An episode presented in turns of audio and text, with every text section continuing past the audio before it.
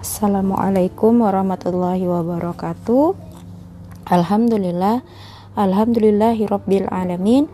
Wassalatu wassalamu ala asrafil anbiya'i wal mursalin Sayyidina wa maulana Muhammadin wa ala alihi wa ajmain amma ba'du Asyhadu an la ilaha illallah wa asyhadu anna muhammadar rasulullah Alhamdulillah segala puja dan puji syukur kehadirat Rabb semesta alam yang masih memberikan kita nikmat iman, nikmat Islam, nikmat sehat dan waktu luang sehingga kita masih bisa berkumpul dalam lingkaran cinta kita pada hari ini.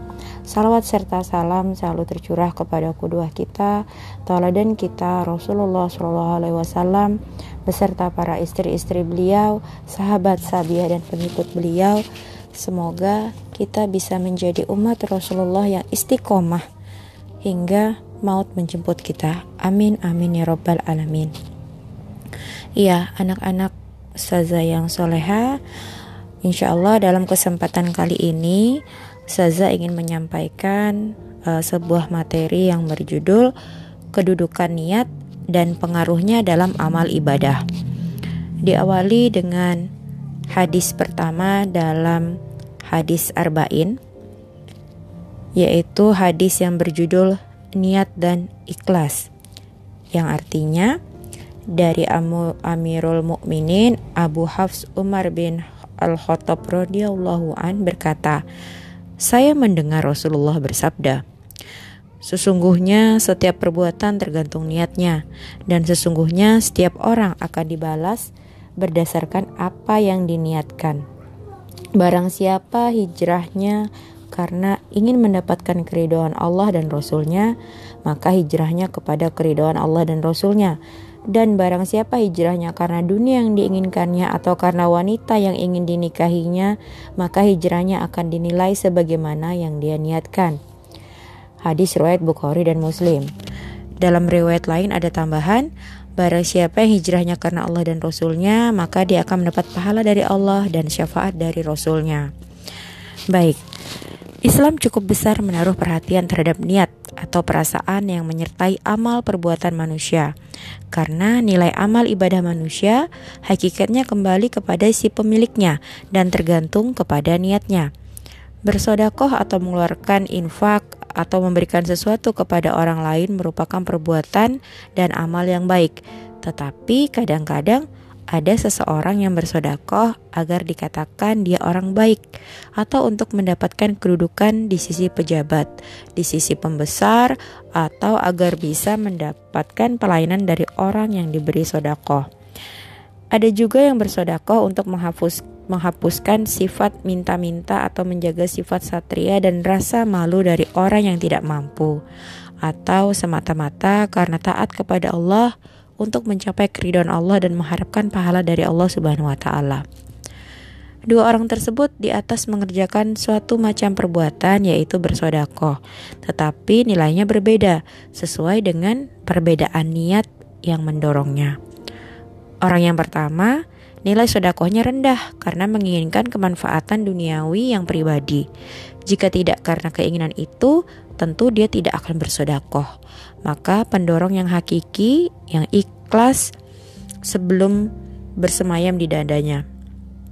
Orang yang kedua, nilai sodakohnya tinggi karena sodakohnya karena ikhlas, karena didorong memenuhi hati senubarinya, yaitu dia memang senang berbuat baik kepada sesama manusia, menjaga kemuliaan mereka dan karena taat kepada Allah serta mencari keriduannya. Orang semacam ini dapat diharapkan kebaikan yang banyak dan dapat diharapkan pula daripadanya kebaikan-kebaikan yang terus-menerus. Dia sumber tetap bagi mereka berhajat. Inilah orang-orang yang digambarkan oleh firman Allah di dalam Al-Quran, di Quran Surah Al-Baqarah ayat 265. Silahkan dibuka Al-Qurannya dan kita tadaburi bersama-sama. Baik, Al-Quran Surah kedua ayat 265 artinya dan perumpamaan orang-orang yang membelanjakan hartanya karena mencari keridhaan Allah dan untuk keteguhan jiwa mereka seperti sebuah kebun yang terletak di dataran tinggi yang disiram oleh hujan lebat. Maka kebun itu menghasilkan buahnya dua kali lipat. Jika hujan lebat tidak menyirami, maka hujan gerimis pun memadai, dan Allah Maha Mengetahui apa yang kamu perbuat. Adapun orang yang pertama, yakni yang sodakohnya karena keinginan duniawi, maka digambarkan di dalam Quran Surah Al-Baqarah ayat 264. Yang artinya, maka perumpamaannya seperti sebuah batu licin yang di atasnya ada tanah, kemudian batu itu ditimpa hujan lebat, lalu menjadilah dia bersih atau tidak bertanah. Orang yang kedua, amal ibadahnya berbuah dan orang yang pertama tidak berbuah. Orang yang sholat ingin agar sholatnya dilihat dan dipuji orang, yakni agar supaya orang-orang menilai bahwa dia orang yang baik. Atau supaya mereka menyerahkan suatu tugas yang menyangkut urusan duniawi, serta dia dapat mengambil kemanfaatan duniawi.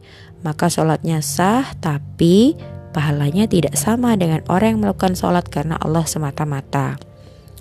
Dengan demikian, kita mengetahui makna yang terkandung dalam hadis di atas bahwa semua amal perbuatan itu tergantung sesuai dengan niatnya. Innamal a'malu biniat. Maka nilai setiap amal perbuatan ya sesuai dengan nilai niat yang membangkitkannya. Apabila niatnya baik, maka baiklah. Apabila niatnya jelek, maka jeleklah. Apabila niatnya hina, maka hinalah dan tidak akan terbalik. Inilah arti dari hadis tersebut.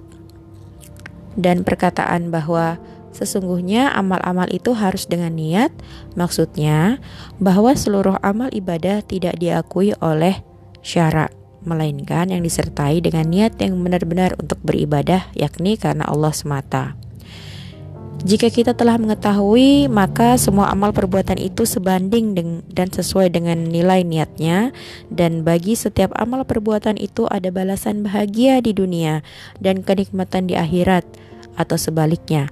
Maka Rasulullah SAW telah menjelaskan di dalam jumlah kedua dari hadis tersebut yang berbunyi, Barang siapa yang niatnya untuk memperoleh pahala dan keridhaan Allah, maka baginya pahala dan keriduannya. Dan barang siapa yang niatnya jahat, maka baginya kecelakaan. Barang siapa yang niatnya semata-mata untuk kemuli kemuliaan duniawi, maka dia tidak akan mendapat pahala.